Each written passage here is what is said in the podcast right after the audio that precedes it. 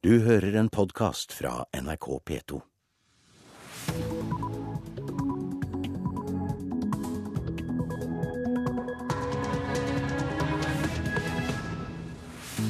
Øystein Heggen ønsker deg velkommen til Nyhetsmorgen. Klokka er 6.30 fredag 24. mai. Dette er hovedsaker. I Ringebu i Oppland er elleve mennesker evakuert etter at det har gått et jordras. Flommen på Østlandet påvirker fortsatt trafikken både på vei og bane. Ikke bare våtere klima, men også utbygging av boligfelt kan øke risikoen for flom. Kommuner med sykehus i nærheten betaler mer for helseomsorg enn kommuner som ligger lenger unna. Nå må vi gå inn i en ny diskusjon om finansieringsordningen, om det er nødvendig å justere slik at vi treffer bedre i forhold til situasjonen. Gunn Marit Helgesen, styreleder i kommunenes organisasjon KS. Og lokal opera angrer på samarbeid med Festspillene i Bergen. Vi eh, har blitt markedsført som noe smått, egentlig. Men det er en svær produksjon med masse plass i salen og mange folk på scenen. Prosent av operaen Havfest i Os, Lisa Nødtsæter. Flommen på Østlandet påvirker trafikken på både vei og bane. Kari Stenhjem i NRK Trafikk. Hva vet du om flommens virkninger for de som skal ut og reise i dag? Ja, Som vi nettopp hørte, så har det jo gått et ras i Ringebu. og Det betyr at E6 nå er stengt på et nytt sted, altså ved Skjeggestad i Ringebu. Det er også stengt ved Kvam nå. I natt så var jo det en del tungtransport som fikk slippe forbi der, men nå er altså E6 ved Kvam også stengt igjen. og Det betyr at E6 er stengt på fire steder i Gudbrandsdalen. og helt fra Kvam i nord til ja, like ved rundkjøringen vest for Mjøskrysset i sør. Og Når det gjelder rv. 3 gjennom Østerdalen, så er situasjonen der akkurat den samme som i går. Det er stengt ved Storelvdal kirke like sør for Koppang, og det er stengt ved Motrua nord for Tynset-krysset. Det lytterne sitter og lurer på er sikkert om det finnes alternative veier? Ja, det er jo sånn at uh, verken Gudbrandsdal eller Østerdal vil åpne i løpet av helgen. og Dermed så er det disse to omkjøringene som uh, vi også hadde i går, over Valdresflya. Det betyr at du tar av fra E6 uh, ved Otta og kjører over Valdresflya til Fagernes. Og så videre inn på E16 mot Oslo igjen. Eller du kan kjøre via Trysil det betyr at du da tar inn på fylkesvei 30 mot Røros når du kommer mot Os, altså på toppen av Østerdalen. Og må kjøre via Tydal og Stjørdal for å komme deg inn på E6, fordi at fylkesvei 30 er stengt mellom Røros og Støren. Og Det er fortsatt ikke mulig å komme seg inn på E6 ved Ulsberg fra Tynset, fordi det er stengt ved Lykes nord for Tynset-krysset. Det høres ut som Norge Rundt for en del av de som vil fra nord til sør og omvendt, Kari Stenje. Ja, det stemmer. Det er ganske vanskelig. Og det er også en mulighet til å komme seg inn på E6 ved Hjerken for de som befinner seg eh, mellom Røros og Koppang. Og det er klart dette er veldig komplisert. Og det er også skummelt å, å bevege seg inn på for mange omkjøringsveier som man eh, kan finne på kartet, fordi at veier kan være skumle og farlige og oversvømte, Og de kan også bli stengt på kort varsel. Det er kjekt å ha dere som følger med i NRK Trafikk. Kari Stenhjem, takk skal du ha. I Ringebu i Oppland er altså elleve mennesker evakuert etter å ha gått et jordras. Dette påvirket jo også veistrekningen, men ingen mennesker skal være skadd i raset. Du har flere detaljer, Eirin Årdal. Ja, dette er altså et 20 meter bredt ras som skal ha tatt med seg noen sauer og ei høyspentledning. Og kommunen og geologer er der nå for å undersøke om det er fare for nye ras, og om folk eventuelt kan reise hjem igjen. Ja, vi hørte jo også at det førte til enda en stengning av E6. Men hvordan er forholdene i de andre områdene som er rammet av vannmassene? Jeg snakka akkurat med politiet i Gudbrandsdalen. Der har til sammen 347 personer måttet forlate heimene sine. Eh, flesteparten er jo i Kvam, den tettstaden som er enormt hardt råka. Her er jo hus tatt av vann. Veiene ser ut som elver, og der er enorme ødelegginger. Eh, også i Gausdal, på Lillehammer og på Sel er folk evakuert grunnet ras og flaum nå. Så i Buskerud der er 30 personer evakuert nå. I Nesbyen det er pga. et ras som gikk i går, og der er de redde for at det skal gå flere ras. Eh, I Aurdal i Oppland var rundt 60 personer evakuert i går. Noen har fått flytta tilbake, men her eh, har det gått flere ras noen steder, så noen er fremdeles evakuert. Og I Fet kommune i Akershus der har de kriseberedskap nå i frykt for flaum. Eh, NVE har varsla at innsjøen Øyen kan stige langt over det som var registrert i pinseflaumen for to år siden. Mange takk, Eirin Årdal, som altså da følger med på situasjonen rundt i landet for oss. Og Fredrik Solbu Gyllumstrø, du var med oss i går, og du må også være med oss i dag fra Kvam i Gudbrandsdalen, for det ble karakterisert som et katastrofeområde. og Vi er, ønsker å vite hvordan det er der i dag. Ja, I dag så er det en eh, litt annen situasjon enn i går. Mesteparten av vannet det har eh, gitt seg. Elva Storåa som gikk over sine bredder og ødela nabolag, der har vannet sunket betraktelig. Eh, arbeidsmannskap har jobba i hele natt med å bygge diker rundt, eh, eller ved siden av elva, kanskje på en strekning på 500 meter, for å få elva inn på sitt rette løp.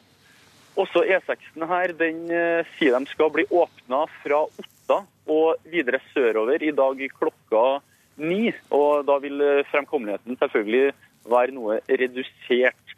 Um, Ellers så kan jeg nå fortelle at eh, politiet de har jeg ikke sett i dag. Og det tyder vel på at eh, de har eh, ting som noenlunde under kontroll.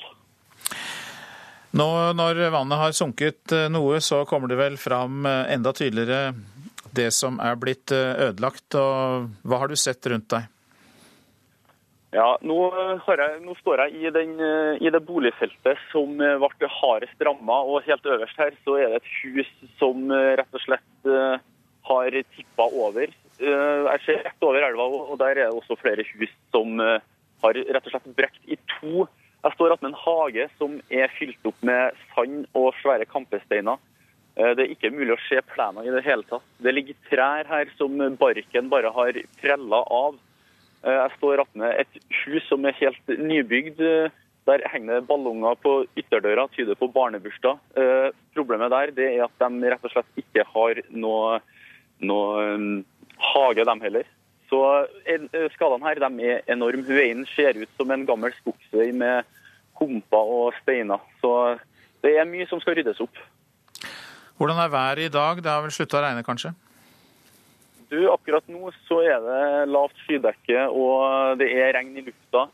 Eh, skyene ser faktisk ganske tunge ut. Nå har ikke jeg sjekka værprognosene for dagen her.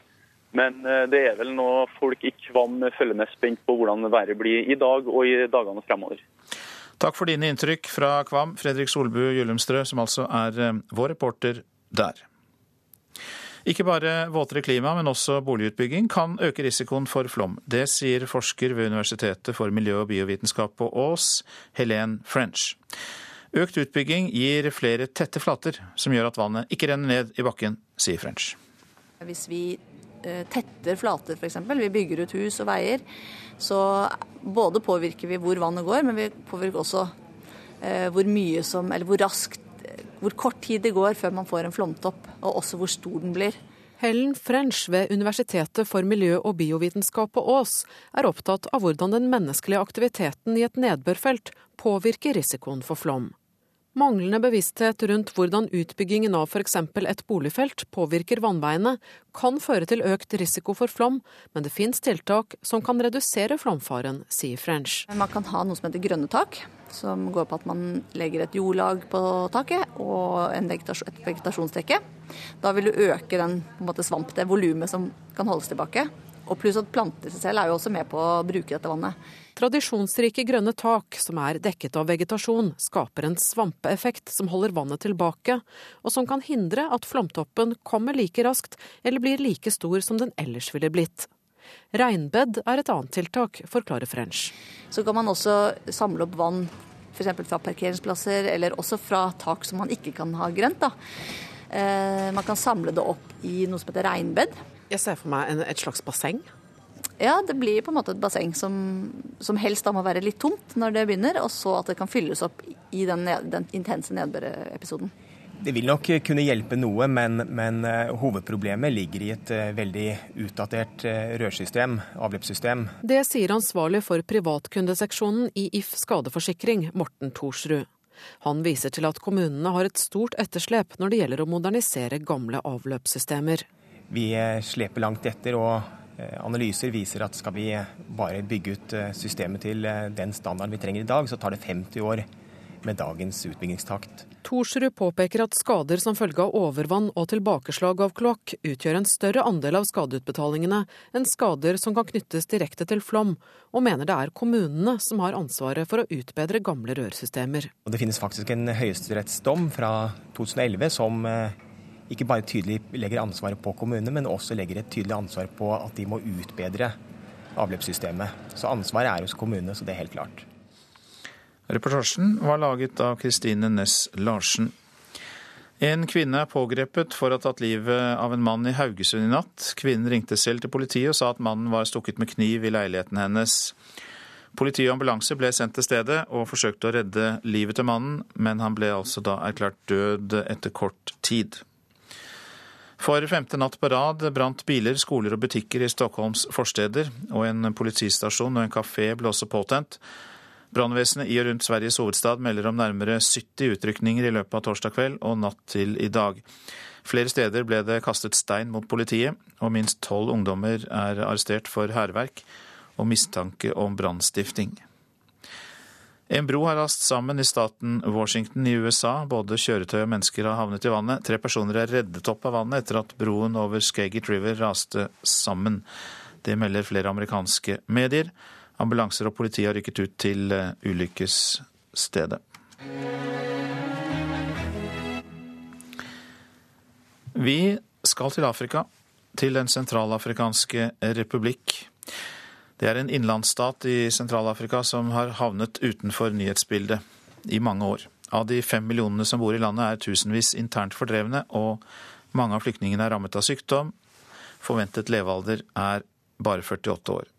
Rikard Skretteberg fra Flyktninghjelpen, det er ikke så mange som drar til Den sentralafrikanske republikk. Du har nettopp vært der. Hva har gått galt i dette landet?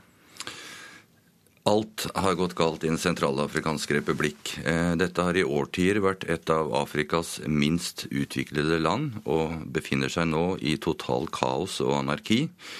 Eh, det er et land preget av væpnet konflikt, eh, som du nevnte. Eh, flere hundre tusen mennesker på flukt, både internt i landet og ut av landet. Og folk mangler alt. Vann, mat, det finnes ikke medisiner. Statlige institusjoner, sykehus osv. er plyndret, og hjelpearbeidere har i stor grad stoppet opp. Og så er det et opprør i gang. Seleka-opprøret heter det vel. Hva ligger i det? Hva vil de? Det var jo de som da tok makten i eh, mars, eh, hvor de rykket inn i hovedstaden Bangui. Eh, Seleka betyr allianse, men det er en svært skjør sådan. Den består av ulike grupperinger, spesielt fra nordområdene. Flere av disse grupperingene har tidligere bekjempet hverandre, så de hadde ett felles mål. Det var å kaste president Bozizé nå ser det ut til at eh, disse gamle motsetningene mellom noen av disse gruppene dukker opp igjen. Eh, I tillegg så er jo lederen for eh, Seleka, Michel Giotodia, tidligere diplomat under president Bozizé, ikke spesielt populær. Vi ser også i vest at det dukker opp nye væpnede grupper som vil bekjempe Seleka, og i sørøst så er Herrens motstandshær, LRA, aktive. Disse kaotiske tilstandene i Sentralafrikansk republikk fører til at bistandsarbeidere drar ut av landet. Og eh, hvem er det i det hele tatt som er operative og kan hjelpe til? Det er nesten ingen som opererer inne i landet nå. Det er noen få lokalt ansatte, også noen organisasjonene som er ute i feltkontorene. Men f.eks. FNs høykommissær, eh, som jeg bl.a. besøkte, de eh, har jo fått fire av sine seks kontor ødelagt og plyndret. Eh, og det gjelder også for mange av de andre eh, hjelpeorganisasjonene. Så det vanskelige en vanskelig sikkerhetssituasjon, og det at man faktisk ikke har noe å reise ut til i felt, eh, det er et stort, stort problem. Mange takk, Rikard Skretteberg, som altså kom hjem fra Den sentralafrikanske republikk nylig. Og du jobber altså da for Flyktninghjelpen. Så litt om avisene og deres forsider i dag. Her er Statoils ukjente mareritt, forteller Stavanger Aftenblad. Et gassfelt i Irland er tre ganger dyrere enn planlagt, og Statoil er hatet av lokalbefolkningen. Men i Norge er skandaleprosjektet glemt. Olav Thon planlegger en luksuskjede av hoteller, skriver Dagens Næringsliv. Nå skal han overta Britannia i Trondheim, som blir en bursdagsgave til meg selv, sier Thon, som snart fyller 90. Ola Borten Moe blir møtt i døra av egen politikk, skriver Adresseavisen. Statsråden ønsket å innrede en leilighet for å huse sesongarbeidere på egen gård. Opposisjonen i Trondheim kommune sa ja, men de rød-grønne sa nei. Nei til salg av fiskegigant, skriver Klassekampen. Senterpartiet og SV vil ikke at eh, Jon Fredriksens Marine Harvest skal få kjøpe den delvis statseide oppdrettsgiganten Cermaq. Et hus revet i stykker av flom er avbildet i Aftenposten. Her lå barnas soverom, sier Monica Tangen og Jon Ansten Haugen, som står nede i krateret der huset sto. Mangler skikkelig flomkart, kan vi lese i Vårt Land. Mange kommuner mangler kart som viser hvor man ikke bør bygge hus og veier pga. flomfare. Du svikter barna, sier Barneombudet om justisminister Grete Farmo i Dagsavisen. I Oslo tok det i snitt 123 dager fra mistanke om seksuelt overgrep mot barn inntil det ble tatt avhør av barnet. En hån mot barnas rettssikkerhet, sier Barneombudet. Striden om ostetoll mellom EU og Norge er ikke over, får vi vite i Nasjonen. Saken kommer trolig opp i EU-parlamentet neste måned. Monsterets kyniske dobbeltliv er oppslaget i Dagbladet. Ariel Castro, som holdt tre kvinner kidnappet gjennom mange år i Cleveland i USA, var utad en vennlig musiker og skolebussjåfør. Bergens Tidende forteller om milliongaven fra Bjarne og Yvonne Riiber til Bergen Filharmoniske Orkester. Matprodusentens penger gjør at orkesteret kan ansette en av de mest attraktive europeiske dirigentene, britiske Edward Gardner.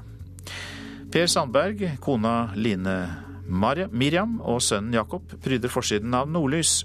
Frp-nestlederen sier at fritidsboligen på Senja er familiens fristed. Og forfatter og TV-kjendis Hans Olav Lahlum er på VGs forside. Slik er han helt privat, forteller Lahlums mor.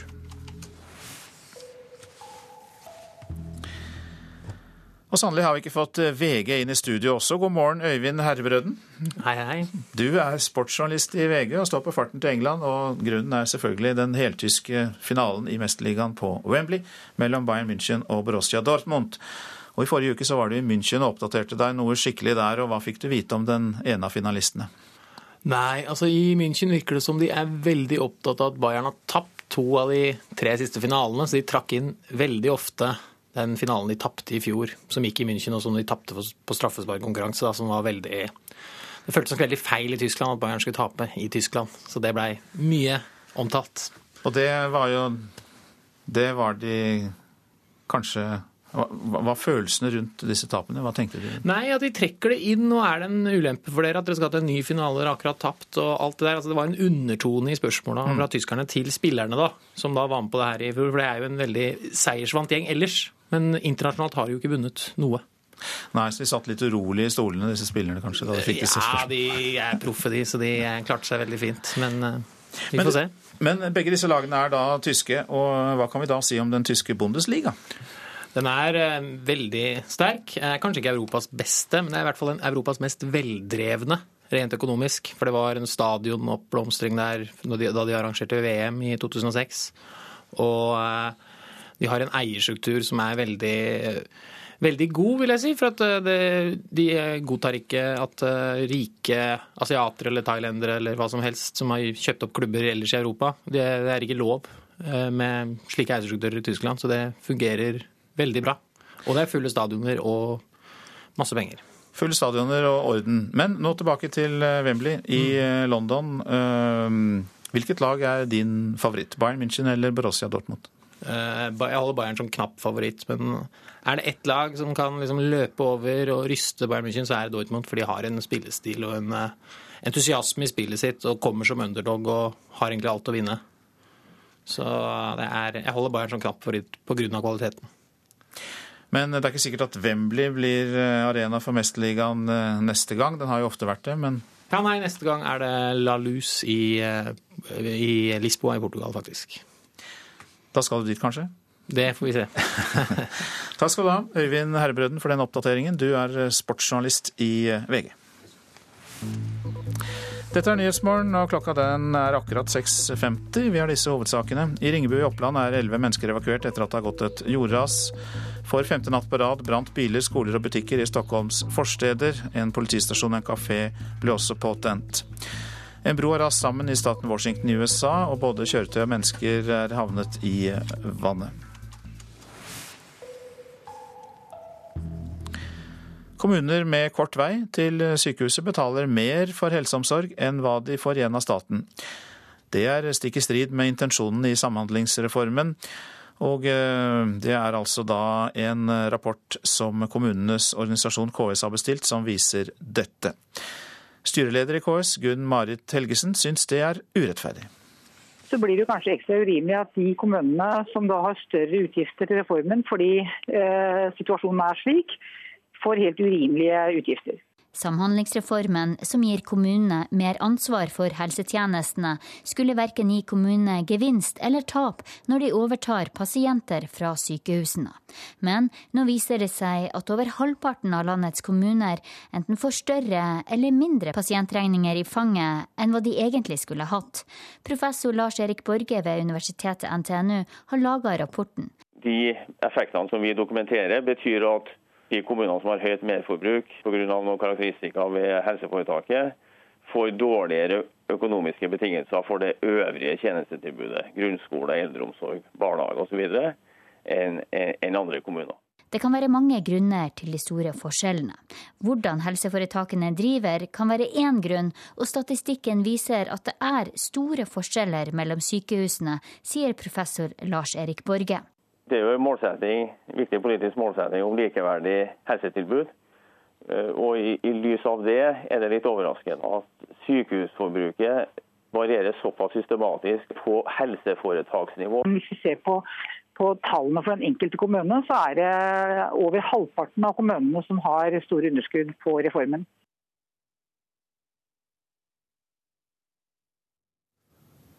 Helse- og omsorgsdepartementet hadde ikke anledning til å kommentere saken i går.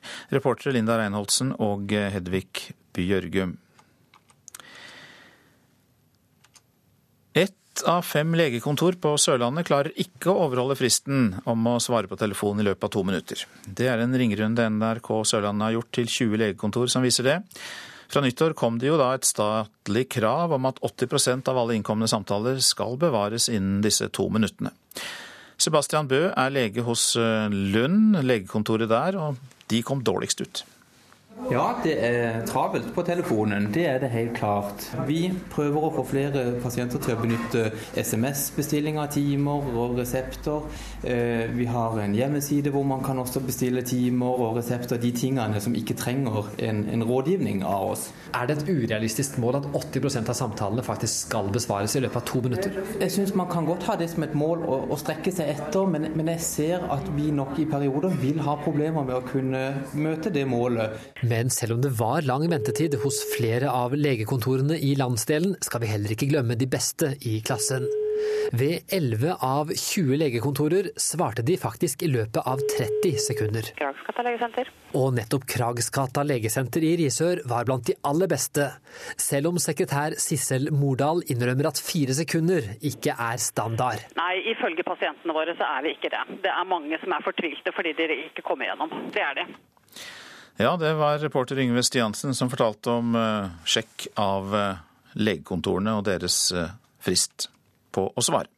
Nå til kultur- og festspillene i Bergen, for de samarbeider mer enn noen gang, lokalt og regionalt. Men i Os kommune angrer de på samarbeidet. Operaen Havfest kan du oppleve i Os i kveld, men bare halvparten av billettene er solgt. Produsent Lisa Nødtsæter mener den har druknet i det store festspillprogrammet.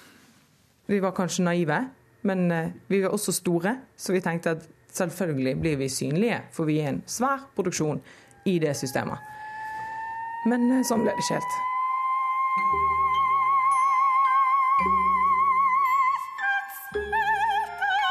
Operaen Havfest ble skriven til åpninga av Kulturhuset Oceana i 2011. Det var et stort løft for det vesle kompaniet Opera Omnia på Os, men fire fulle hus og god kritikk freista til gjentaking. Da tilbudet kom om å bli en del av Festspillene i Bergen, tok de spranget en gang til, forteller produsent Lisa Nødtsæter. For det oppleves jo som et kvalitetsstempel. Og så tenkte vi at da får vi drahjelp. Hun er ikke nøyd med markedsføringa av Havfest i Festspillene. Vi er da å finne ute i margen her. Vi eh, har blitt markedsført som noe smått, egentlig. Men det er en svær produksjon med masse plass i salen og mange folk på scenen. Men til nå er mindre enn halvparten av billettene solgt til de tre framsyningene på Os under Festspela. Komponist og operaleder Glenn Erik Haugland frykter underskudd. Vi er sårbare i forhold til det, eh, og vi er avhengige av å ha minst tre fulle hus. Jeg kan nu engang ikke ta ansvaret for øh, hele deres suksess derude. Det må de det må de øh, også selv. Direktør Anders Beyer mener Festspillene i Bergen har gjort det de har lova overfor Havfest. Det der er viktig, det er jo å avklare de gjensidige forventninger til et samarbeid. Øh, og, øh, og det nedfeller vi så i en kontrakt, og det er det vi henholder oss til. Det er det, og det, og det oppfyller vi jo. Reporter i Os og Bergen, Turid Rogne. Nå kaller vi opp eh, statsmeteorologen og eh, Mariann Foss. Det er deg i dag. Ja. Jeg har lest meg til at det er ganske pent vær og lite vind over det meste av landet, men eh, stemmer mitt inntrykk? Ja, i nord er det veldig fint, og på Nordvestlandet så går det noen byger. Og lengst nord på Østlandet så går det også noen små byger, da, men ellers i landet så er det veldig fint. Og hvordan blir været i de flomrammede områdene, hvis vi går spesielt inn på de? Ja, Østafjells eh, der blir det lokale regnbyger nord for Oslo i dag, eh, og i indre strøk av Telemark. Men det er snakk om bare små mengder, opp til en fem millimeter kanskje i løpet av, i løpet av det døgnet her. Og ellers eh, i de flomområdene østafjells så er det mye fint vær og høyere temperaturer, da. Fem millimeter, hvordan vil jeg merke det hvis du skulle ja, vise det til meg. Hvordan vil jeg føle fem millimeter nedbør eh, over meg? Nei, altså det er Én eh, eh, millimeter er det samme som hvis du heller én liter vann på én kvadratmeter.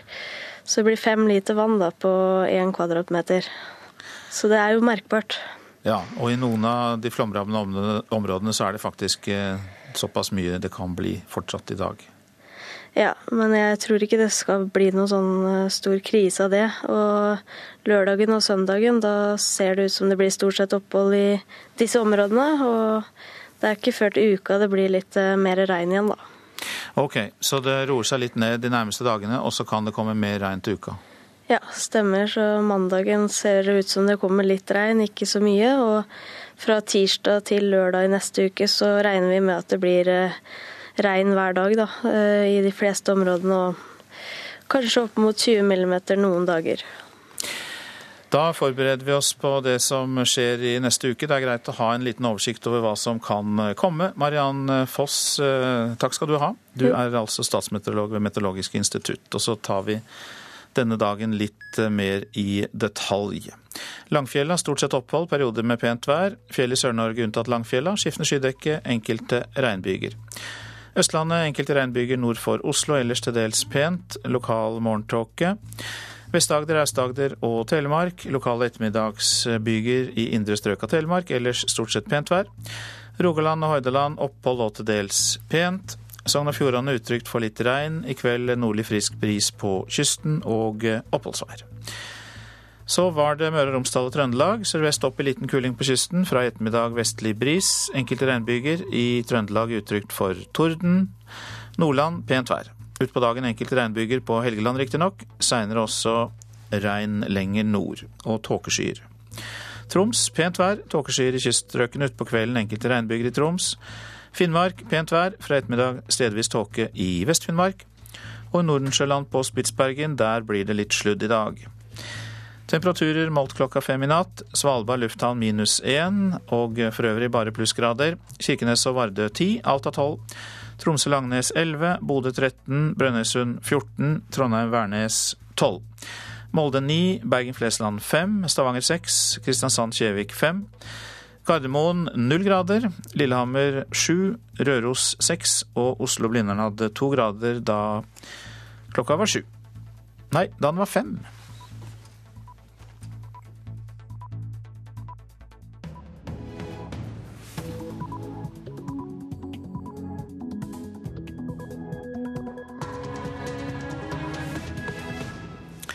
Men nå er klokka sju, og du lytter til eh, Nyhetsmorgen, og vi har en eh, oppdatering. Elleve mennesker er evakuert etter at det gikk et 20 meter bredt jordras på Ringebu i Gudbrandsdalen i natt. Rørosbanen og Dovrebanen er stengt som følge av flommen. E6 gjennom Gudbrandsdalen er stengt flere steder. Det samme er rv. 3 i Østerdalen. Og Det er også skummelt å, å, bevege seg inn på for mange omkjøringsveier som man eh, kan finne på kartet, fordi at veier kan være skumle og farlige og oversvømte, Og de kan også bli stengt på kort varsel. Kari Stenhjem i NRK Trafikk. Ingen av Fremskrittspartiets førstekandidater til Stortinget støtter FNs klimapanel. En av dem er Jan Henrik Fredriksen. Jeg er en sunn skeptiker til mye av det som FNs klimapanel har kommet med. Mer om eh, Fremskrittspartiet og klimaendringer seinere i eh, sendinga. USAs president Barack Obama vil innføre strengere regler for bruk av ubemannede fly mot terrormistenkte i utlandet. Hjelpetrengende som har pårørende som står på for dem, får best helsehjelp i eh, hjemmesykepleien. Det viser en fersk rapport. Det er et kjent fenomen at ressurssterke mennesker ofte får tak i flere rettigheter enn de som ikke har ressursene.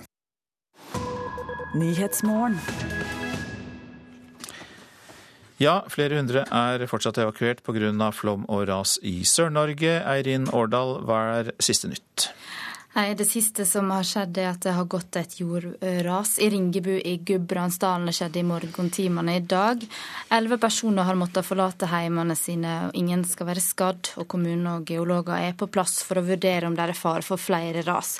Eh, til sammen 347 personer i Gudbrandsdalen er evakuert. De flesteparten er jo i Kvam, tettstaden som er enormt hardt råka. I dag er situasjonen der litt annerledes enn i går, får vi meldinger om. Vannet har sunket betraktelig. Eh, da kommer jo også flere av ødeleggingene fram. og Det er hus som har tippa over, hus som er delt i to, hager som er fylt opp med sand og tre som ligger velta overalt. Eh, også i Gausdal, på Lillehammer og i Sel er folk evakuert grunnet ras og flaum nå. Så i Buskerud der er 30 personer evakuert i Nesbyen pga. et ras som gikk i går, og der er de redde for at det skal gå flere ras. I Aurdal i Oppland var rundt 60 personer evakuert i går. Noen har fått flytta tilbake. Eh, og nå er en jo redde for at innsjøen Øyeren i Glomma-vassdraget skal stige mer enn i Flaumen for to år siden. Og i kommunene rundt er det nå kriseberedskap i frykt for stor flaum. Så er det de som skal ut og farte på vei og jernbane. De vil kanskje gjerne vite om hvordan eh, muligheten er der? Ja, Vegvesenet har jo varsla at E6 eh, og rv. 3 gjennom Oppland og Hedmark blir stengt eh, hele helga noen steder. Eh, da er jo begge de to hovedfartsårene mellom Oslo og Trondheim stengt, men det finnes alternative ruter. Mange fylkesveier er stengt. Mange av de veiene som er åpne er i dårlig stand og kan bli stengt på kort varsel. Så til togtrafikken. Nedre Dovrebanen er stengt mellom Dombås og Eidsvoll, og Rørosbanen er stengt mellom Hamar og Røros. Takk skal du ha, Eirin eh, Årdal. Vi går rett til deg, Jan eh, Erik Viltil. Du står nå i Nedre Eiker ved en provisorisk flomvoll som ble bygd opp i går eh, ettermiddag. For nå er det Buskerud som er i vårt, vårt fokus. Hvordan står det til med vannstanden der du er? Du, jeg står altså ved denne flomvollen eh, i Nedre Eiker som ble satt opp i går, som du sa. Eh, jeg ser ned mot vannet, og det befinner seg kanskje knappe to meter fra meg. Eh, og det stiger faretruende fort. Bare i løpet av siste døgn så har det steget ca. Eller iallfall prognosene tilsier at det skulle stige ca. 20 cm ca. klokken halv elleve i dag. Men det stopper altså ikke der. Drammensvassdraget er stort, og det får tilsig fra store innsjøer som Krøderen og Tyrifjorden. Og alt dette vannet skal ned og passere her jeg står nå.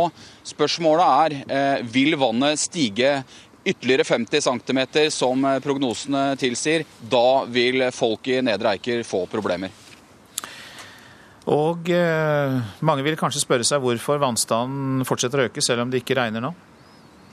Ja, Dette skyldes jo at eh, Drammensvassdraget er svært stort. Eh, som jeg nevnte, så får det altså vann fra, helt fra Hallingdal, Krøderen, eh, Tyrifjorden. Eh, og dette er jo eh, snakk om nedbørsmengder eh, i kombinasjon med snø som smelter. og Dette kalles jo en stille flom i disse store vassdragene. Det betyr at det tar tid før de store vannmassene kommer i, i enden av vassdraget. så det er først på tirsdag i neste uke vi vil se flomtoppen toppen her i Drammenselva. Er det det området du er i nå i Nedre Eiker som er verst rammet i Buskerud? Eh, ja, I øyeblikket så, så, har de også problemer i Hallingdal med dette raset som gikk i, i Nesbyen. Men eh, i dagene som kommer, så er det nok ventet at eh, de nedre deler av eh, Drammensvassdraget er de som er mest utsatt. Og da kanskje spesielt Nedre Eiker, som også ble rammet av eh, uværet Frida i fjor, da dette styrtregnet rammet eh, kommunen. Så eh, folk har vært bekymret her i Nedre Eiker. hvis vannstanden stiger til tre meter over normalen, som det kan, eh, kan, det kan hende det gjør, så spår ordføreren i kommunen her at det vil bli trafikkaos. Eh, fordi de da må stenge to eh, viktige hovedfartsårer, en europavei bl.a., på begge sider av elva. Takk skal du ha så langt, Jan Erik Viltil, som altså da er vår reporter og rapporterte fra Nedre Eiker i Buskerud. Morten Jonsrud, god morgen til deg. Takk. Du er avdelingsdirektør i NVE, og eh, du er vel en av de som er mest oppdatert på flomsituasjonen her i landet, vil jeg tro. Så hvis du skal sette fingeren på kartet, hvor i landet er det verst? Ja, Akkurat eh, hvor det er verst, kan ikke jeg peke på, men eh, jeg kan si det at det har snudd i vassdragene nå, også de store vassdragene nord for de store sjøene. Dvs. Si Lågen, Gudbrandsdalslågen, har snudd. De mindre vassdragene, der vil vannføringen falle nå utover. Eh, sidevassdragene også. Eh, vi har Glomma. Eh, den har snudd ved Elverum. Alt dette er som, som vi har forventet. Men eh, de store innsjøene i Gudbrandsdalen og, og, Glomma de stiger. Mjøsa fortsetter å stige, Øyeren fortsetter å stige. Og vi forventer ca. 1 meter, altså 80-100 cm i begge de sjøene. Eh, det vil skje ut i neste uke. Eh, kanskje Mjøsa mot slutten av neste uke. Kanskje Øyeren eh, rundt midten av neste uke. Og én meter stigning, da kommer vi over det som var i 2011. Så det betyr at eh, det går noe tilbake eller roer seg ned i de eh, mindre vassdragene. Og så er det de store som har enorme volumer med vann som fortsatt eh, stiger. Ja, vi får ikke vi, ikke, vi tapper ikke eller ikke, renner ikke nok vann ut av disse sjøene i forhold til hva som kommer inn, og da stiger sjøen. Nå hadde vi jo inne en reporter her fra Nedre Eiker og Drammensvassdraget, så la oss svare på hans bekymring her. Hvordan ser utsikten ut der? Ja, Hans bekymringer er faktisk veldig reelle. Ehm, ut fra våre prognoser så forventer vi at Drammensvassdraget kan stige opp mot en halv meter. Ehm, kanskje noe av det har kommet allerede. Jeg er ikke så oppdatert nå på morgenkvisten. Men eh, vi er da faktisk over 2007-flommen. Et sted rundt 20 eh, cm kanskje. Eh, jeg har ikke opp, akkurat oppdatert det på data der i dag. Eh, men eh, alle de store innsjøene, altså Sperrilden, Tyrifjorden, Randsfjorden Krøderen, de stiger og forventes å stige alle sammen mellom en 30 cm og Randsfjorden kanskje opp mot 1 meter. Litt avhengig av hvordan tappingen For dette er et spill mellom hvordan man kan altså prøve å utnytte tappingen fra disse for å få skadene minst mulig nedstrøms. Nå har de jo nevnt eh, en god del områder der man skal eh, være obs på det som kan eh, komme fortsatt av flom. Hvordan bør folk forholde seg? Nei, Det er det som vi har prøvd å kommunisere tidligere. Du må tenke på eiendommene dine. Her kommer vannet høyere og høyere. Det går ikke så fort lenger nå, sånn som det var det vi har sett i Kvam og, og sidevassdragene i, i, i Gudbrandsdalen. Det går sakte, men det fortsetter å stige. Og det går flere dager hvor det stiger, selv om været har blitt fint. Og det er som det ble sagt her, Dette er nå en stille flom. Det er lang tidsfaktor i dette. Det fortsetter å stige til det kulminerer. Um, og du må forvente en, ja, de høydene vi snakker om. Sikre gjenstandene dine. Tenk hvis du har ting i kjellere som blir oversvømt. Hvis du er så uheldig, ta unna det som du ønsker å sikre. Har du landbrukseiendommer, så må du sikre redskapen din. Hva gjør dere i NVE? For jeg regner med at dere har satt inn ekstra ressurser nå for å overvåke alt dette? Ja, Vi har satt i gang et veldig stort apparat. Eh, vi har eh, hydrologer som følger hvert enkelt vassdrag. Eh, vi jobber veldig på i situasjonen. Vi har folk som er ute og måler. NVE har jo også folk som kan drive med anleggsdrift og kan gripe inn der hvor det er nødvendig, Kvam f.eks. Vi har også folk som, er, altså som, kjenner historien, som vet hvilke steder som er utsatte. De gir råd til kommuner og, og, og myndigheter, politi osv. Og eh, vi har jo da hørt om femårsflommer og tiårsflommer. Eh, ja, hvor vanlig, skråstrek uvanlig, er slike tilstander vi har nå?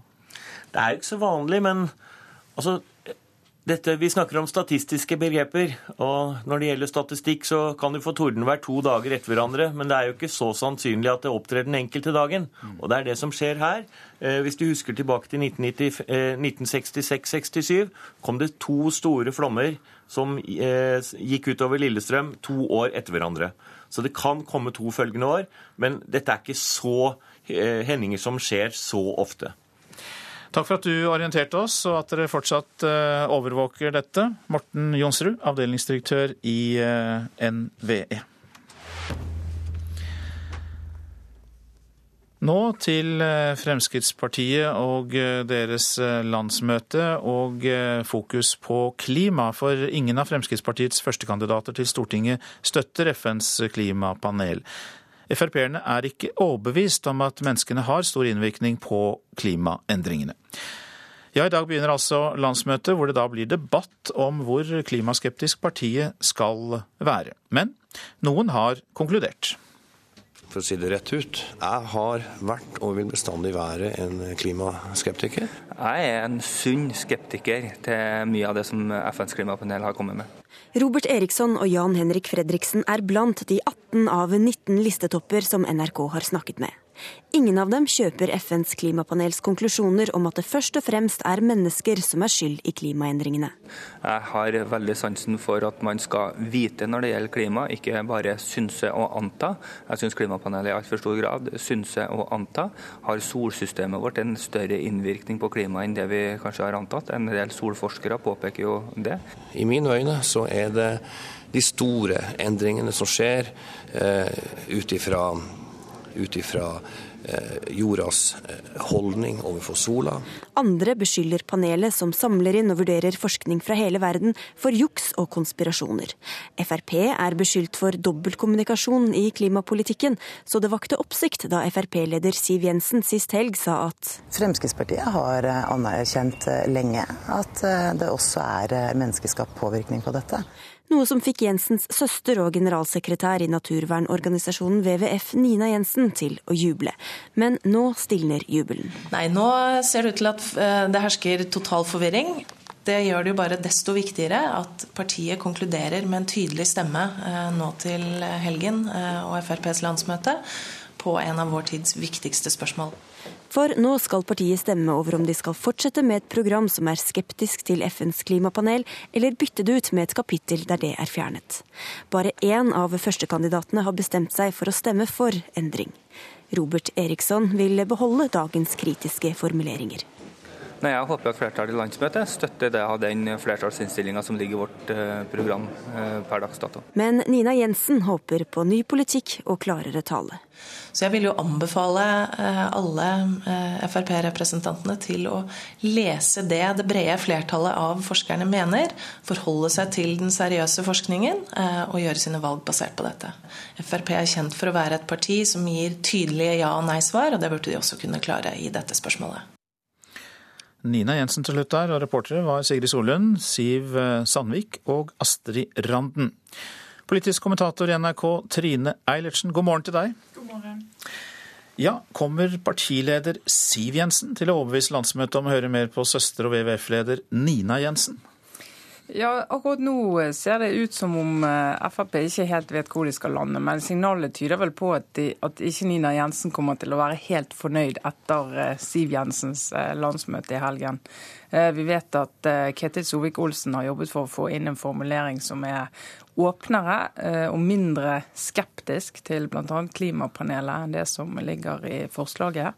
Eh, men at han eh, foreløpig i hvert fall ikke har sikret seg noe flertall eh, for det. Så det er en god del som sier at jeg skal høre på debatten før jeg bestemmer meg. sånn at det, det er jo for så vidt åpent i den forstand, men, men det er vel ikke all grunn til å tro at det blir den store endringen. Hvor viktig er klimaspørsmålet på dette landsmøtet? Det er nok ikke det viktigste spørsmålet for eh, Fremskrittspartiet. Det er veldig viktig for mange rundt Fremskrittspartiet, men ikke for Fremskrittspartiet. Det er andre temaer, f.eks. bompengesaken kommer helt sikkert til å skape engasjement. Skal de gå inn for en enda tøffere formulering der de avviser bruk av bompenger, eller skal de fortsette med den lille åpningen de har nå for at det finnes eh, situasjoner der det kan brukes? Og den lille åpningen eh, kan vel være grei å ty til hvis de skal få til samarbeid på borgerlig side. Så for hvor viktig blir bompengesaken for det samarbeidet? Altså, Den blir jo viktig eh, hvis vi tar utgangspunkt i hva som er de viktige sakene for Frp og FrPs velgere. Samferdsel er en veldig viktig sak. Eh, og Måten Frp ønsker å løse samferdselsutfordringene på, er viktig for, eh, for, velgerne til Frp. Og det er klart at Jo mer de låser seg i sine løsninger og går inn i regjeringsforhandlinger med en altså si, litt kantete utgangspunkt, jo vanskeligere er det jo å komme til enighet. Og Frp står jo helt alene i sin eh, ganske totale skepsis mot eh, bompenger, og Høyre bl.a. Blant andre er jo veldig mye mer pragmatisk og sier at uh, hvis det er det som skal til for å få vei, så, så klart vi skal bruke bompenger. Og det finnes jo også Frp-politikere som mener det. Så har vi dette med å støtte regjering eller ikke. Fremskrittspartiet sier jo at de ikke vil støtte en regjering som de ikke er en del av. Og det er altså fortsatt viktig for Frp å understreke nettopp det.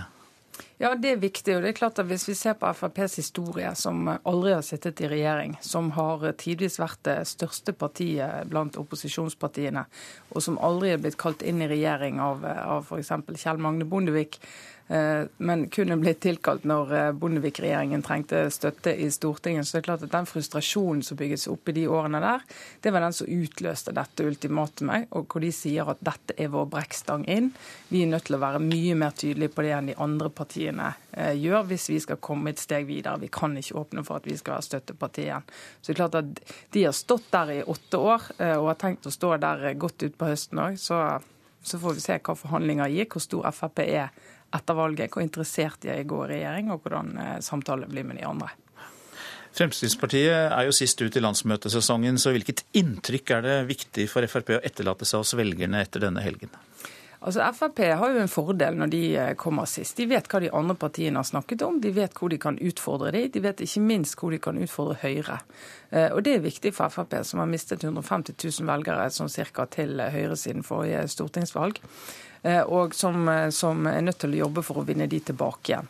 De er nødt til å markere nå at dette er partiet for de nye løsningene, ikke for eh, noenlunde stø kurs, bare litt nye ansikter som, eh, som de kritiserer Høyre for å, for å jobbe for. Eh, og overbevise velgerne om at hvis du virkelig ønsker et ordentlig skifte, så er det Frp du må, du må stemme på. Landsmøtesesongen går mot slutten, men det blir full fres i valgkampen etter hvert. Hjertelig takk, politisk kommentator i NRK Trine Eilertsen. Dette er Nyhetsmorgen. Klokka den passerte 7.18 for noen få sekunder siden. Dette er hovedsaker. Elleve mennesker er evakuert etter et jordras på Ringebu i Gudbrandsdalen. Geologer vurderer om det er fare for flere ras. Veiene gjennom Gudbrandsdalen og Østerdalen kommer ikke til å åpne for gjennomkjøring denne helgen. Og vannstanden stiger i de store innsjøene på Østlandet.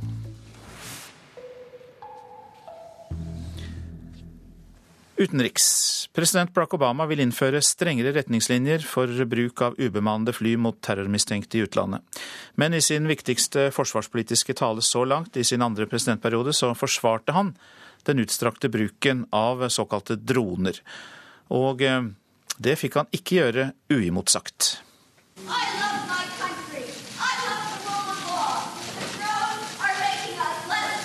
Hun fikk god tid til å ta til motmæle kvinnen som avbrøt Barack Obama ved flere anledninger under presidentens timelange tale om USAs globale kamp mot terrorisme i går. Kvinnen ville at Obama skulle kompensere familiene til de mange sivile som har blitt drept av USAs førerløse fly i Pakistan, Afghanistan og Jemen. 350 ganger har Obama godkjent slike angrep mer enn seks ganger så mange som sin forgjenger George W. Bush. Men presidenten forsvarte dronebruken som sentral i kampen mot terror. The voice of that woman uh, is worth paying attention to. Obviously, I do not agree with much of what she said. These are tough issues. And gloss over them is wrong. To do nothing in the face of terrorist networks å ikke handle vil føre til enda flere sivile tap. Ikke bare her hjemme, men også i landene der vi går til angrep, mener Obama. So it is false to assert that putting boots on the ground is less likely to result in civilian deaths. Å bytte ut dronene med soldater på bakken vil verken føre til færre drap på sivile eller færre fiender i den muslimske verden, mener han. Men likevel strammer Obama nå inn på dronebruken. I dag styres angrepene først og fremst av CIA. Det gir lite innsikt i hvordan angrepene gjennomføres, hevder kritikerne. Derfor skal Forsvarsdepartementet nå få mer av ansvaret. Men til tross for innstrammingene vil debatten om droner i USA neppe stilne med det første. Let me, let, let me finish, You know, this, this is part of free speech is you being able to speak, but also you listening, and me being able to speak. Right? Reporter her, det var Stig Arild Pettersen. For femte natt på rad brant eh, biler, skoler og butikker i Stockholms forsteder, og en politistasjon og en kafé ble også påtent. Brannvesenet i og rundt Sveriges hovedstad melder om nærmere 70 utrykninger i løpet av torsdag kveld og natt til i dag. Flere steder ble det kastet stein mot politiet, og minst tolv ungdommer er arrestert for hærverk og mistanke om brannstifting. En bro har rast sammen i delstaten Washington i USA. Flere biler og mennesker har havnet i vannet. Tre personer er reddet opp og brakt til sykehus. Mukhtar Belmukhtar, som trolig sto bak terrorangrepet mot Statoils gassanlegg i In Amenas, skal fortsatt være i live og har ledet selvmordsaksjonene som kostet 21 liv i Niger torsdag. En talsmann for Belmuktars gruppe sier til det mauritanske nyhetsbyrået Al-Kabar at Belmuktar selv planene for, overvåket planene for angrepet. Minst 20 soldater ble drept og 16 såret da en selvmordsbomber slo til mot en militærleir i byen Agades. En person ble drept og 14 såret i en tilsvarende angrep mot en fransk urangruve i Arlit. Altså dette var i eh, landet Niger i Afrika.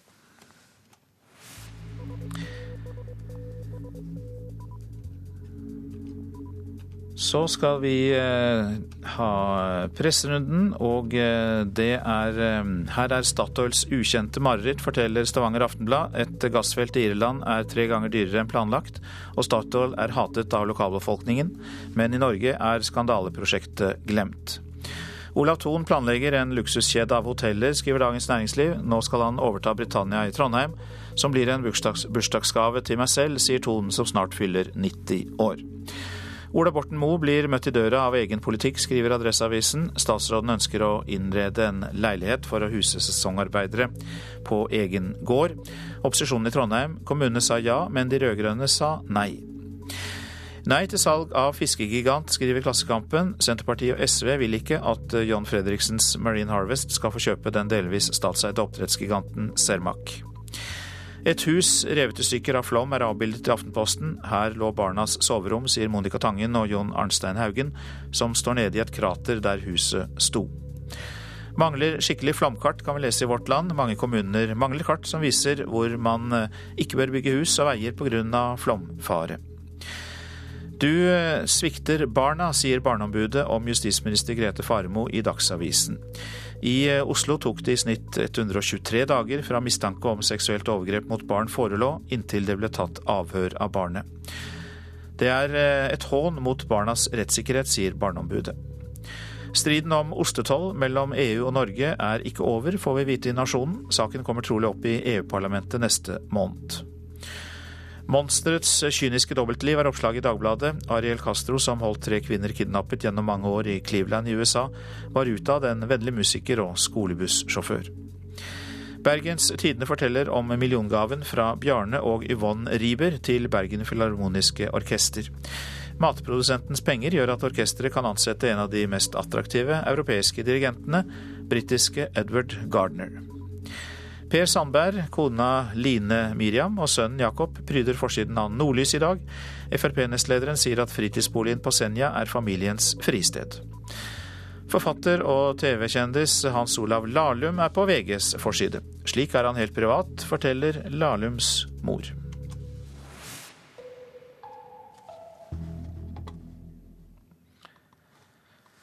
En kvinne er pågrepet for å ha tatt livet av en mann i Haugesund i natt. Kvinnen ringte selv til politiet og sa at mannen var stukket med kniv i leiligheten hennes. Politi og ambulanse er sendt til stedet og forsøkte å redde livet hans, men han ble erklært død etter eh, kort tid. Folk eh, med pågående pårørende får best helsehjelp i hjemmesykepleien. Det bidrar til et dårligere tilbud til de ressurssvake. Høgskolen i Østfold har forsket på pårørendes påvirkning. Er det noe du trenger hjelp til, eller? Eh, jeg trenger hjelp til det meste. Ja. Du trenger hjelp til det meste? Ja. ja. For jeg kan ikke stå på beina mine. Nei. Er det noe du vil at jeg skal hjelpe deg med nå? Nei. Nei. Nå er det bra. Nå er det bra. Ja, så bra. Sykepleier Ellen Marie Pettersen er på den daglige hjemmevisitten for å sjekke at alt står bra til. Dere får si ifra da, hvis det er et eller annet dere trenger hjelp til. Ja. ja. Men det er ikke alle som klarer å si fra selv. Og nå viser en fersk rapport fra Høgskolen i Østfold at pasienter med sterke pårørende i ryggen får best hjelp i hjemmesykepleien. Forskeren bak rapporten, Jørg W. Kirchhoff, er ikke overrasket over funnene. Det er et kjent fenomen at ressurssterke mennesker ofte får tak i flere rettigheter enn de som ikke har ressursene. For hele systemet i Norge er jo bygd opp slik at for å få tak i det du har rett på, så må du ha ressurser til å gjøre krav på det.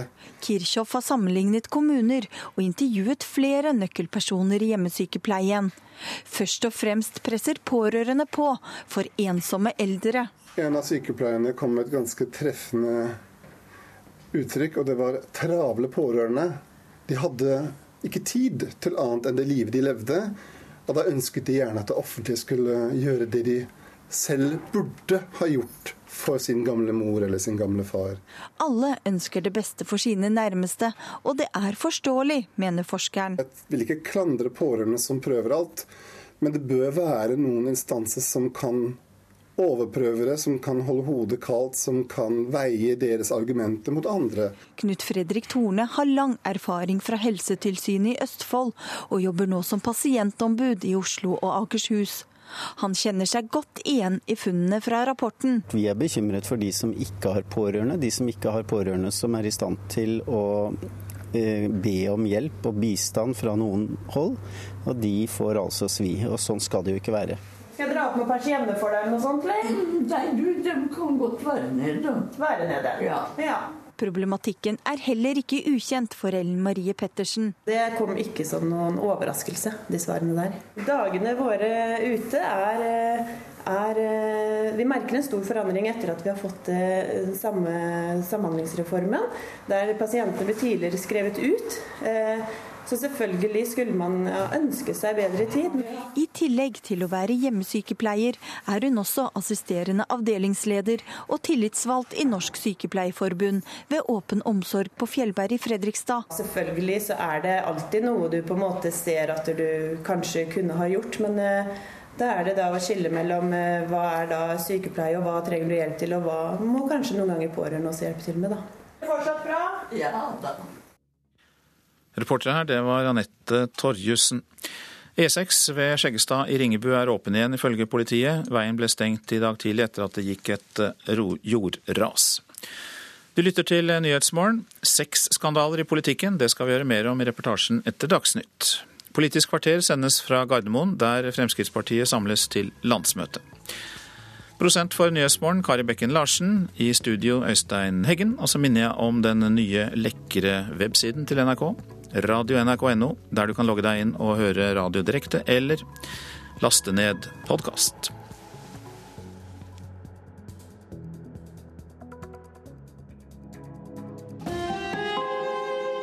Hør ekko.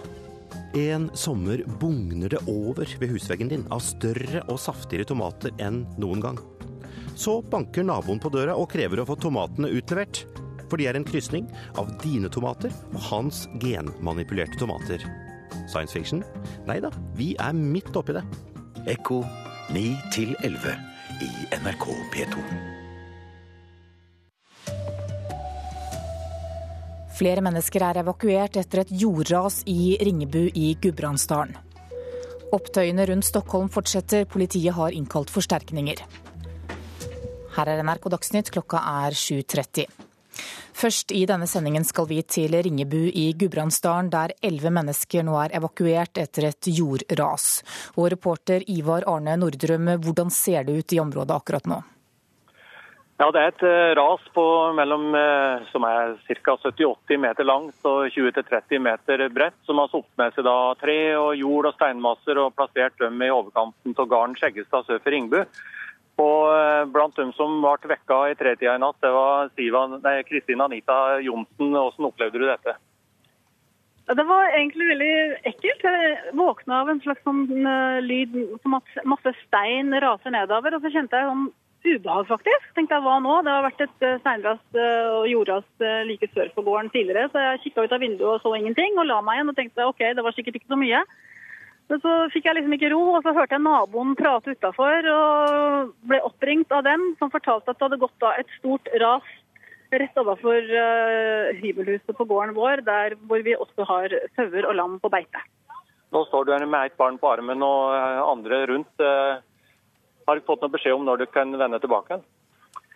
Ja, eh, det kommer jo noen geologer nå i løpet av formiddagen, er det sagt. sånn at hvis alt er greit, så kan vi eh, få lov til å komme inn i husene i løpet av ettermiddagen. Og hvis ikke, så får vi nå se hva som skjer videre. Det er status i Ringbu akkurat nå. Takk skal du ha, reporter Ivar Arne Nordrum. Og videre til deg, reporter Eirin Årdal. Du har oversikt over situasjonen i de andre områdene som er rammet av eh, vannmassene. Hva kan du si? I Kvam i Gudbrandsdalen, som er hardt råka, er fremdeles over 200 personer evakuert. Der har vannet sunket, men da kommer jo også flere av ødeleggingene fram.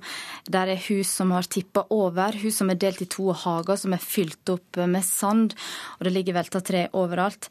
Til sammen har 347 personer i Gudbrandsdalen måttet forlate heimene sine, ifølge politiet. Også i Gausdal, på Lillehammer og på Sel er folk evakuert grunnet ras og flaum nå. Eh, så i Buskerud, i Nesbyen, er 30 personer evakuert nå. I Aurdal i Oppland var rundt 60 personer evakuert i går, men noen har fått eh, reise hjem. Og nå er kommuner rundt eh, innsjøen Øyeren i kriseberedskap fordi de er redde for stor flaum der. Hvordan er situasjonen på veiene og i togtrafikken nå? I Gudbrandsdalen og Østerdalen kommer de ikke til å åpne for gjennomkjøring denne helga, ifølge Vegvesenet. E6 er stengt på to steder, også riksvei Riksveg 3 er stengt flere steder, og her er muligheter for å kjøre andre veier. Vegvesenet ber bilister unngå flomområder i helga. Omkjøringsveiene kan bli stengt på kort varsel fordi det stadig går nye ras. Når det gjelder togtrafikken, så er Nedre Dovrebana stengt mellom Dombås og Eidsvoll, og Rørosbana stengt mellom Hamar og Røros. Videre til deg, avdelingsdirektør Morten Jonsrud i Norges vassdrags- og energidirektorat. Hvordan er vannstanden i øyeblikket? Eh, vannstanden i de store sjøene er stigende. Eh, hvis vi tar for oss eh, Gudbrandsdalen og, og Øyeren, altså Mjøsa og Øyeren, så er den stigende. Kommer til å stige de kommende dagene. Eh, opp mot én meter i forhold til det vi ser i dag. Det er høyere enn hva vi så i 2011. Eh, for Øyerens del forventer vi at det vil skje i første halvdel av neste uke, og for Mjøsa i siste halvdel av neste uke. Eh, vi har også i Drammensvassdraget, eh, der vi stiger også de store sjøene. Vannføringen på oversiden av sjøene, den er synkende. Men sånn som Randsfjorden, Tyrifjorden, forventer vi at stiger i størrelsesorden 70 cm til 1 meter. Krøland og sperrilden kanskje i størrelsesorden 30-40 cm mer enn det vi har i dag. Vi hørte at det gikk et ras i Ringebu i morges. Hvordan er rasfaren i de flomrammede områdene akkurat nå? Nei, Rasfaren er synkende i forhold til hva vi har sett de to foregående dagene. Den er knytta til nedbør, men eh, det vil alltid gå noen ras i etterkant. Ehm, vi har begynt å jobbe med ras først eh, dette året her, men eh, vi jobber nå med å lansere en, en jordrasvarsling Eh, et av de første landene i verden som starter med en operativ jordrasvarsling. Det vil vi ha operativt eh, i løpet av dette året. Så vi håper at vi skal kunne mer om det eh, litt seinere. Men vi har, testvarsling nå, og det høyeste nivået vi har hatt for rasfare, det er for et par dager siden. I går og dagen før. Hva gjør NVE nå i forhold til situasjonen slik den er i øyeblikket? Ja, Vi gjør mange ting. Vi følger situasjonen. Vi varsler. Vi har eh, mange tallknusere som sitter nå og regner på hvordan dette kommer til å utvikle seg. Det er sammensatte systemer. Ehm, dette, når du lager sånne prognoser, så bygger det både på meteorologi og den tilstanden vi har, sånn at det er kompliserte saker. Vi har folk ute i vassdragene som er praktikere og vet hvordan de skal rådgi kommunene, politi og andre. Vi har folk som er ute og måler vannføring og vannstand, så vi driver et stort apparat. Takk skal du ha, avdelingsdirektør Morten Jonsrud i Norges vassdrags- og energidirektorat. Ingen av Fremskrittspartiets førstekandidater til Stortinget støtter FNs klimapanel. Frp-erne er ikke overbevist om at menneskene har noen avgjørende innvirkning på klimaendringene. I dag starter FrPs landsmøte, hvor det blir debatt om hvor klimaskeptisk partiet skal være. Men noen av dem har allerede konkludert for å si det rett ut. Jeg har vært og vil bestandig være en klimaskeptiker. Jeg er en sunn skeptiker til mye av det som FNs klimapanel har kommet med. Robert Eriksson og Jan Henrik Fredriksen er blant de 18 av 19 listetopper som NRK har snakket med. Ingen av dem kjøper FNs klimapanels konklusjoner om at det først og fremst er mennesker som er skyld i klimaendringene. Nei, Jeg kjøper ikke alltid FNs klimapanel som, eh, som god fisk. Andre beskylder panelet, som samler inn og vurderer forskning fra hele verden, for juks og konspirasjoner. Så det vakte oppsikt da Frp-leder Siv Jensen sist helg sa at Fremskrittspartiet har eh, anerkjent eh, lenge at det også er menneskeskapt påvirkning på dette. Noe som fikk Jensens søster og generalsekretær i naturvernorganisasjonen WWF, Nina Jensen, til å juble. Men nå stilner jubelen. Nei, nå ser det ut til at eh, det hersker total forvirring. Det gjør det jo bare desto viktigere at partiet konkluderer med en tydelig stemme eh, nå til helgen eh, og FrPs landsmøte. For nå skal partiet stemme over om de skal fortsette med et program som er skeptisk til FNs klimapanel, eller bytte det ut med et kapittel der det er fjernet. Bare én av førstekandidatene har bestemt seg for å stemme for endring. Men Nina Jensen håper på ny politikk og klarere tale. Frp er kjent for å være et parti som gir tydelige ja- og nei-svar, og det burde de også kunne klare i dette spørsmålet. Reportere her var Sigrid Solund, Siv Sandvik og Astrid Randen. Så til Sverige, for i natt spredte uroen seg til flere forsteder rundt Stockholm.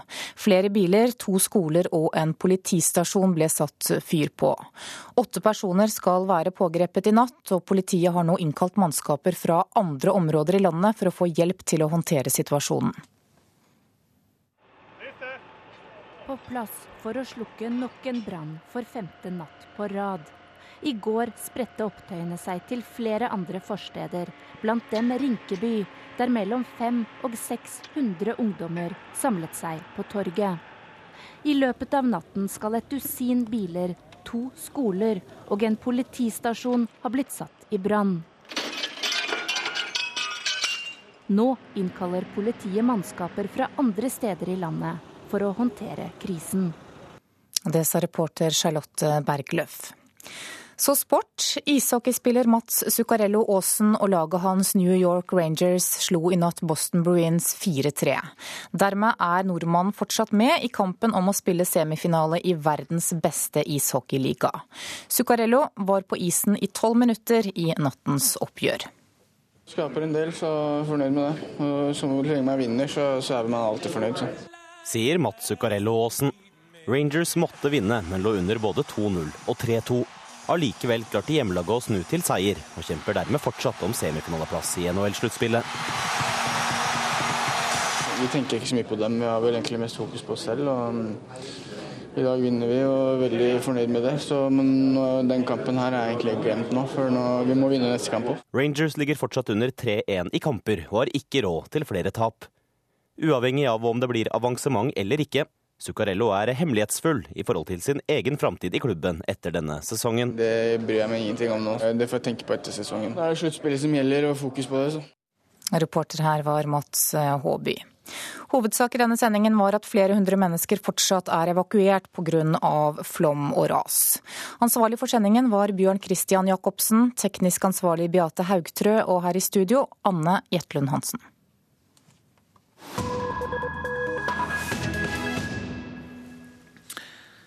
Sexskandaler i politikken er ikke ukjent, verken her i Norge eller i utlandet. Det skal vi snakke om nå. I USA førte en rekke svært pikante bilder og tekstmeldinger til at den demokratiske kongressrepresentanten Anthony Weiner måtte trekke seg. Men denne uka annonserte han et, opp, et oppsiktsvekkende comeback. The gentleman is wrong. It is a shame Anthony Weiner var en stjerne i Det demokratiske partiet. Med stort engasjement og uslokkelig energi talte han gjennom tolv år demokratenes kjernesaker i Kongressen. Han var uredd og gikk alltid rett i strupen på sine republikanske motstandere.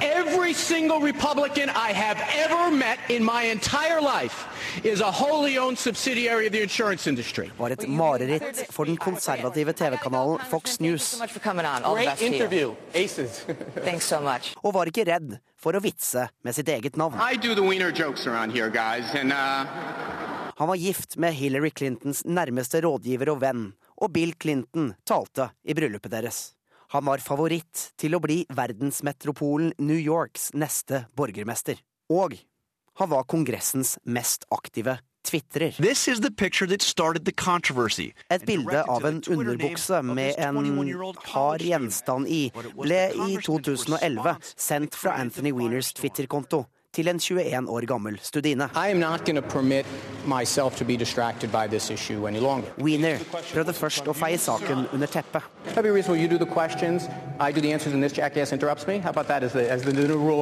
Så hevdet han at det var en spøk på hans bekostning.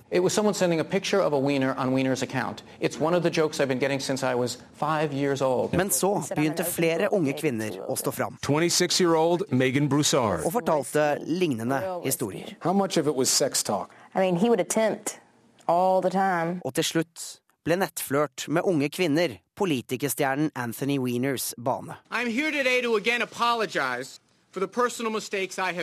16.6.2011, knappe tre uker etter at det første Twitter-bildet ble lekket, trakk han seg fra Kongressen.